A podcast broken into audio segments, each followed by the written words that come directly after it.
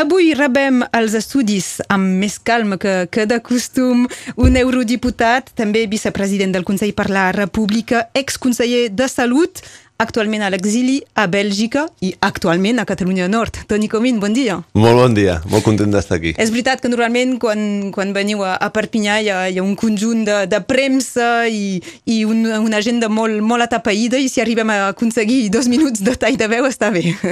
És difícil, sí, sí, per això em feia molta il·lusió poder venir amb tranquil·litat avui. Doncs uh, volem parlar, evidentment, d'aquest Consell per la República. Fa, fa unes setmanes vau, vau venir a, per fer una reunió a, a Perpinyà. Es va parlar de l'identitat digital. En general, quan, quan parlem de, de digital, sempre pot fer, pot fer por no, a la gent. Què, què significa exactament?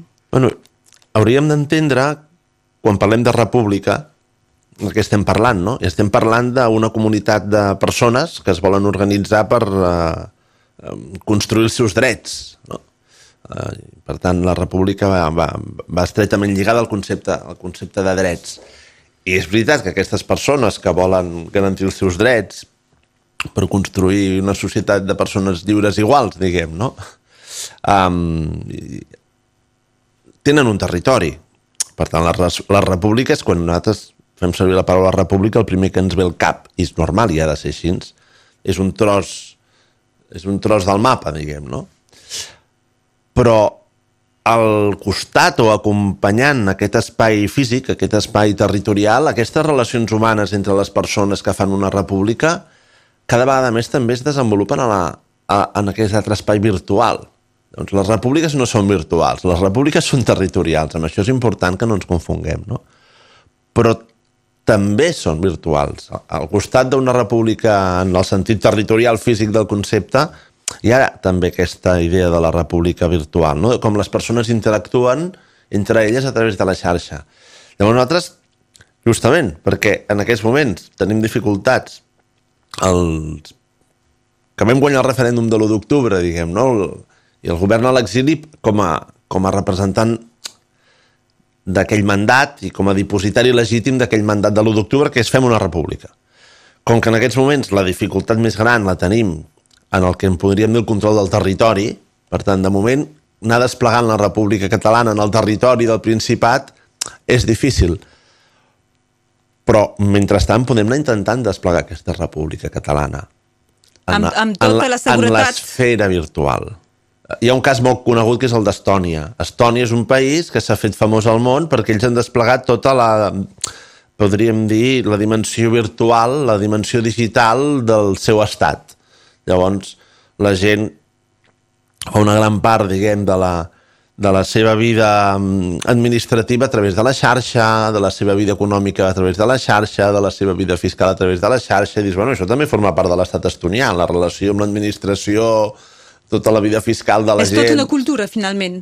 Sí, tot això forma part de, de, de la vida de la gent, i en el cas d'Estònia tot això és virtual. Per tant, nosaltres vam dir, molt bé, sense que ningú es pensi que ara vivim a Matrix, que no, aquesta acusació que s'ha fet a vegades, no?, quan defensem aquesta, aquestes idees que estic explicant ara, no, no, vivim en un món real. Però sí que hem d'anar construint la república virtual, eh, que en tots els estats del món serà una dimensió important i cada vegada més. Doncs ara ja contesto, després d'aquesta llarga introducció, què és la identitat digital? És el primer pas, és la base d'aquesta idea de la república digital. El primer que fem és reconèixer la gent com a ciutadans eh, d'aquesta república que té una dimensió digital, per tant els hi donem una identitat digital. I a partir d'aquí, amb aquesta identitat digital, els membres del Consell cada vegada hauran de tenir més drets a fer més coses, o, o potser també, també més deures. També els catalans del nord? Clar, llavors la gràcia del Consell és que des del principi vam dir que estava format com la idea originària de la, no? de, de les repúbliques dels pensadors no? de, de l'edat moderna quan es posen a pensar escolti, això, això de l'Estat, això de la república, què és? Diu, un pacte de persones que voluntàriament decideixen fer aquest pacte. Nosaltres diem, qui forma part de la República Catalana? Qui vulgui qui forma part del Consell per la República, qui vulgui, en primera instància, els ciutadans dels països catalans. Per tant, tot aquell que vulgui, tot aquell del Principat, però tot aquell de les illes, del País Valencià i, per suposat, de la Catalunya del Nord, que vulgui formar part del Consell de la República, pot formar-ne part i tindrà la seva identitat digital i per tant ent entrarà a formar part d'aquesta comunitat de persones que som a l'embrió de la República Catalana. I em dius, bueno, aquest embrió l'estem construint en aquella esfera, que és l'esfera digital, en, que, que l'Estat ho té pitjor per reprimir-nos. Quan nosaltres intentem fer república en el territori, a Catalunya, en el Principat, l'Estat ve amb la seva policia, amb les seves porres, amb els seus jutges, i ens comença a reprimir, ah, ara resulta que quan fem república en paral·lel, eh? no substitueix l'altre, no? Però quan fem república en aquest espai virtual, en aquest espai digital, ah, l'Estat, què fa? Ja t'ho explico jo què fa. Fa uns ciberatacs, que això ho saben els responsables tècnics del, de la plataforma digital del Consell, uns ciberatacs que a vegades són una... es veu, i com que no en sé això, sona ciència-ficció, però es veu que a vegades són bestials, diguem, i, i, i com que tenim una, una plataforma digital molt segura i molt protegida, el sistema no cau i, i resisteix. Dius, ah, doncs quan fem aquesta república en l'esfera digital, l'Estat no ho té tan fàcil per reprimir-nos. No? Per tant, aquesta és, és també la lògica. I, per tant, els ciutadans de la Catalunya del Nord absolutament estan absolutament en peu d'igualtat, a més, convidats, diguem, a ser membres del Consell. Actualment, Toni Comín, hi ha més de 90.000 membres d'aquest Consell per la República i una de les notícies és que Òmnium eh, per fi hi participa activament. Efectivament, jo sempre dic 90.000 o la ratlla dels, dels 100.000 eh, són moltíssims i, i són molt pocs tot és veritat. Jo vull els dos milions de l'1 d'octubre, no? Evidentment, perquè si el Consell el que fa és donar continuïtat en aquell mandat, és, és la continuació de l'1 d'octubre, dius, home, hi hauríem de ser tots, hauríem de, els dos milions haurien d'estar inscrits. Per tant, falta molta gent, però en canvi, dius, home, 100.000 persones en un any i mig, si tu mires les entitats de la... Nosaltres no som una entitat de la societat civil, som l'embrió de la república, som, per tant, més com una institució, no? Però, home, eh, han trigat moltes dècades a aconseguir tanta gent afiliada en aquest sentit. Sí que és veritat que el Consell és un, una institució d'afiliació voluntària. Eh? I per tant, en aquest sentit, sí que si et compares amb totes les organitzacions d'afiliació voluntària, home, 90.000, no? I... I la, la Neus Tobisco. I la Neus Tobisco. I la Neus. I estem molt contents, sí, perquè amb Òmnium hi ha hagut des del primer minut una col·laboració molt estreta, molt forta. Uh, ells han estat seguint molt el procés de naixement del, del Consell, hi ha hagut un diàleg permanent, com un mecanisme de cooperació pràcticament instituït, diguem, eh? Però és veritat que encara faltava aquest pas, de que ells entressin a formar part oficialment del Consell de Govern, no? I es va donar aquesta oportunitat magnífica. La Neus és membre del Consell de Govern fins ara com a persona independent, no? Des de fa més d'un any, des del desembre del 2018. Per tant, ja fa un any i mig que la Neus està al Consell, és una de les persones, a més, més tothom està molt actiu i implicat, però ella és especialment activa i està especialment implicada.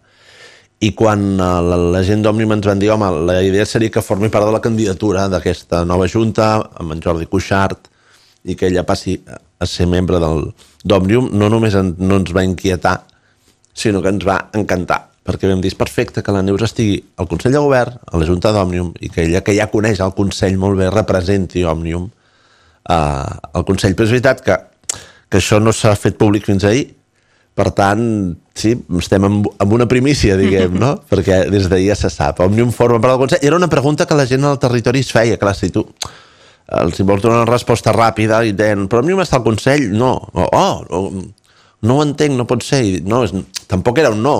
Però és veritat que formalment encara no hi eren i per tant estem molt contents. Ara podrem contestar, Òmnium està al Consell? Sí. I pel setembre es prepara un altre acte, eh, la creació de l'Assemblea de Representants eh, aquí a, a Perpinyà. Mira, efectivament, tot això eh, eh, els que ho portem en el dia a dia ho veiem tot amb una lògica aplastant, però després quan ho has de fer, ho has d'explicar, no? a veure, què passa aquí? Nosaltres volem que hi hagi unes eleccions que permetin elegir una assemblea de representants i que sigui aquesta assemblea la que investeixi el president del Consell. Després el president del Consell per la República ja, ja, ja nomenarà els membres del seu Consell de Govern. Per què ho volem fer així? Perquè és lo normal d'una estructura política. Per tant, hem creat un funcionament institucional, diguem, de la idea del funcionament institucional del Consell és que funcioni una mica com és una estructura institucional d'un país, d'un estat, etc. Però per fer aquestes eleccions a l'Assemblea de Representants algú ha d'aprovar la normativa electoral. Mm, pel dia a dia del Consell necessitem un, un, un estatut del Consell, un, un, un reglament del Consell. Algú ha de legitimar, algú ha d'aprovar aquest reglament del Consell. Llavors aquí teníem dues opcions, que és que el Consell de Govern, com es, fe, com es crea al principi el Consell? Amb la legitimitat dels que estem a l'exili, la legitimitat del president Puigdemont, dels consellers a l'exili, ningú la va discutir, va dir vosaltres, sou l'embrió del Consell per la República, el president que anomeni doncs, representants de la resta de partits i entitats. Molt bé. Però aquest Consell de Govern necessitava un reglament, el vam fer. Uh, I aquest Consell de Govern està preparant una normativa electoral en aquests moments. I vam dir, què fem? L'aprovem nosaltres com a Consell de Govern? Tenim un nivell de legitimitat prou consistent per nosaltres sols, els 15, aprovar aquestes lleis bàsiques del Consell per la República, diguem, vam pensar que no. Vam pensar que calia un grau de legitimitat més alta. Llavors, d'on ve la legitimitat? Del que en diem l'Assemblea de Representants fundacional, que segurament es reunirà una vegada i prou. Si es volen reunir més, es podran reunir més. Però com a mínim, com a mínim, s'han de reunir una vegada i prou. Per fer què? Per aprovar aquest reglament, per aprovar aquesta normativa electoral. Llavors ja podrem fer eleccions ja elegirem l'Assemblea de Representants normal. I Perpinyà és el nexe, l'ordinària. Entre el territori que podeu... Eh, bueno, on podeu llavors, anar i on ell és propers. La, la pregunta és qui forma part d'aquesta Assemblea de Representants fundacional que no ha estat elegida per ningú? Justament aprovarà les normes electorals que permetrà elegir una Assemblea de Representants ordinària, no? És molt senzill. Aquesta Assemblea de Representants fundacional la formen els diputats del Parlament de Catalunya eh, que estan en els grups parlamentaris que formen part del Consell per la República. Vam dir, hi ha uns partits que estan al Consell per la República i aquests partits tenen uns diputats. Doncs aquests diputats, eh, com a mínim, aquests diputats han de, han de constituir-se en assemblea fundacional. I per què volem fer a Perpinyà o a la Catalunya del Nord la reunió de l'assemblea fundacional? Doncs perquè és molt, per moltes raons simbòliques, polítiques i logístiques. És molt més fàcil fer pujar 60-70 diputats del Parlament a Perpinyà que fer-los pujar a Bèlgica, diguem, no? I per tant la idea és que hem de fer ràpid, ara ja ha passat el... el bueno, de moment semblava que havia passat el confinament i per tant immediatament havíem de reunir aquests diputats del Parlament de Catalunya que faran el rol d'assemblea fundacional, que es reunirà una vegada, que aprovarà aquestes normes bàsiques i després ja està, després ja farem unes eleccions. Toni Comín és el vicepresident del Consell per la República, però no, no només vull tractar de qüestions de, del Consell per la República, eh, també sou eurodiputat, és el que us permet de ser aquí a, a Perpinyà i a, a tota la Unió Europea excepte en, a l'estat eh, espanyol i uh, hi ha la situació mm, del, de l'Oriol Junqueras que des d'allí de, des ja és oficialment substituït eh, pel Jordi Soler com a eurodiputat. És una situació insòlita perquè si, si sou Carles Puigdemont, uh, Clara Ponsatí i, i Toni Comín eurodiputats és gràcies a la doctrina Junqueras. Hmm. Mira, sí, això és molt enrebaçat jurídicament. Jo aquest any, aquests anys d'exili he hagut de fer una mena de màster en dret... Eh, I si després parlem del Tribunal Suprem encara més. Penal, en dret electoral... Llavors, en aquí el que hem tingut sort és que el Tribunal de Justícia de la Unió Europea ja fa bastant temps va aprovar una doctrina que té un nom que és la doctrina Musoto, que és pròpiament la doctrina que ens han aplicat. Doncs nosaltres vam anar a, a, a Luxemburg, diguem, al Tribunal de Justícia, molt segurs que guanyàvem per què? Perquè ja, sabíem que ja existia aquesta jurisprudència. Existia. A partir del moment on la gent ha votat, ah, ets, els representants són elegits. Ets elegit. I això és la doctrina Mussota, hi ha un cas, un precedent. Per tant, sabíem que tant la demanda de l'Oriol com la nostra prosperaria. Uh, què ha passat aquí? Nosaltres tenim una demanda presentada davant del tribunal que encara no està resolta. L'Oriol va presentar la seva lògicament, faltaria més, la seva es va resoldre amb urgència. Per què? Perquè tots els tribunals democràtics del món, quan la demanda té que veure amb una persona que està a la presó, la resolen de manera urgent. Per tant, un pres sempre té preferència. Però nosaltres sabíem que aplicarien la doctrina Mussoto tant en el cas de l'Oriol com en el nostre cas, quan arribi la sentència del nostre cas. El que no sabíem, aquesta va ser la nostra alegria, és quan apliquin aquesta doctrina Mussoto en el cas de l'Oriol Junqueras, el tribunal considerarà que aquesta decisió ja té eficàcia general i, per tant, també val per nosaltres. I jurisprudència. I en aquí sí, que de fet és el normal, però fins que no passa, vam dir, escolti, el Junqueras és eurodiputat. I aquesta decisió que hem pres per la demanda del senyor Junqueras, per cert, té valor general per qualsevol cas com aquest. I, per tant, eh, el Parlament Europeu va prendre nota i va dir doncs Comín i en aquell moment la, no s'havia produït el Brexit i per tant la Clara Ponsatí encara no, no era eurodiputada però Comín, Puigdemont i Comín cap a dins la nostra demanda no està resolta. La nostra demanda encara està pendent de resoldre, però com que la doctrina ja existia, doncs ja sabíem que les coses anirien bé. Molt ràpidament, el tema de la suplicatòria, on, on es troba? Perquè l'estat espanyol ha fet aquesta demanda. Sí, el jutge ha fet aquesta demanda de l'Iran, per cert, perquè, clar, el jutge, el mateix jutge que no reconeix la nostra immunitat a Espanya, és el mateix jutge, el senyor Llarena, que li demana en el Parlament Europeu, si us plau, aixequin la immunitat d'aquests senyors. Però, però quina immunitat? Però si vostè els hi està negant la immunitat a Espanya, com pot demanar que una cosa que vostè no reconeix, com pot demanar que, que se suspengui? Llavors, el calendari indicava que tot això del suplicatori s'havia de votar abans de les vacances. Com que el Parlament ha estat durant un molts mesos aturat, ara es reprendrà tota la tramitació del suplicatori en el punt que estava. Per tant, cap al mes de febrer doncs faltaven quatre mesos o cap al mes de març, uns quatre mesos perquè això es votés, doncs ara si torna a, a, a córrer el rellotge, doncs hem de comptar aproximadament que per Nadal, abans de que acabi l'any, és probable que ja es voti en el ple, en el ple del Parlament. D'acord. Uh, Toni Comín, tenim més temps que de costum, però malgrat tot no tenim tot al matí. Uh, també voldria tenir el vostre parer com a exconseller de, de Salut de la situació que acabem de passar i que encara està, està passant amb, amb aquests rebrots. Um, com veieu la, les diferents gestions? Bueno, tot això és molt difícil i quan m'han preguntat sobre la, sobre la pandèmia he volgut ser extremadament prudent perquè més no pots jutjar el que és fàcil, no tens tota la informació, totes les dades, i he estat en aquella sala de màquines i per tant no m'agradaria que algú que no té tota la, no? Tot, tots els elements faci judicis sobre si s'està gestionant bé o malament. El que sí que et puc dir és que estic molt, molt content que el nou secretari de Salut Pública sigui en Josep Maria Argimon. Era el meu número 3, era del meu equip, era una de les persones de màxima confiança. Durant tot aquest temps d'exili jo he estat en comunicació permanent amb ell, que és la persona, entre d'altres, que em permetia anar fent un seguiment de com anava el sector durant la pandèmia amb més motiu i crec que és uh, la millor opció que teníem era, era que ell agafi la salut pública, diguem, no? També, també l'anterior secretari de Salut Pública l'havia anomenat jo, tots són gent meva, diguem, no? El, el Joan Guix, i, i també aplaudeixo molt la, la feina que ell va fer, però el que no podíem era estar en aquesta situació de, de buit institucional que justament la Secretaria de Salut Pública, que és absolutament prioritària en el tema de la, de la gestió del, dels rebrots, justament, Mm, no tingués algú que la, coman, que la comanés. Per tant, jo estic segur que en, en Josep Maria farà una molt bona feina. Ara, aquests rebrots,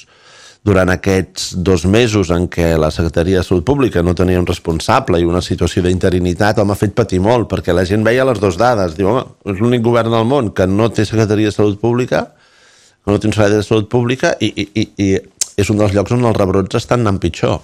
Per tant, això era, era, era molt inquietant, no? Per tant, ara, confiança màxima amb, amb la feina que farà el doctor Gimon. I és legítim que Catalunya continuï tinguent totes les competències de, de sanitat que se li han tret durant l'estat d'alarma? Sí, sí, evidentment, una de les úniques coses que teníem ben, ben organitzades, diguem, en aquest estat que fa veure que és federal i no ho és, que es diu Espanya, una de les úniques coses que sí que anava a veure la descentralització de la sanitat, diguem. És veritat que el Ministeri de Sanitat apenes té competències, fins ara apenes tenia competències, i que les competències les tenien els governs de les comunitats autònomes. No? I, I ha de ser així, ha de ser absolutament així, ha de seguir sent un model descentralitzat. Per tant, hem de vigilar molt que amb l'excusa de la pandèmia no es pugui fer alguna recentralització ja, no, no aquesta recentralització que hi va haver durant el confinament, durant els primers mesos que va ser, se suposava una recentralització transitòria, ara el que s'ha de vigilar és que no intentin amb aquests pactes que s'han acordat al Congrés justament ahir, abans d'ahir, pacte per la sanitat que han firmat el PSOE i el PP, mirar amb tot detall que per allà no ens estiguin colant mesures que suposin una recentralització ja permanent. Aquest seria el drama. Avui hem pogut parlar amb, amb temps amb el Toni Comín mm. um, a l'espera de, de que es facin més, de, més reunions i aquí a, a Perpinyà, encara que sigui per dos minutets. Gràcies d'haver vingut avui als estudis de Radio Arrels. A tu, encantadíssim, un, un plaer. Adéu, bon dia.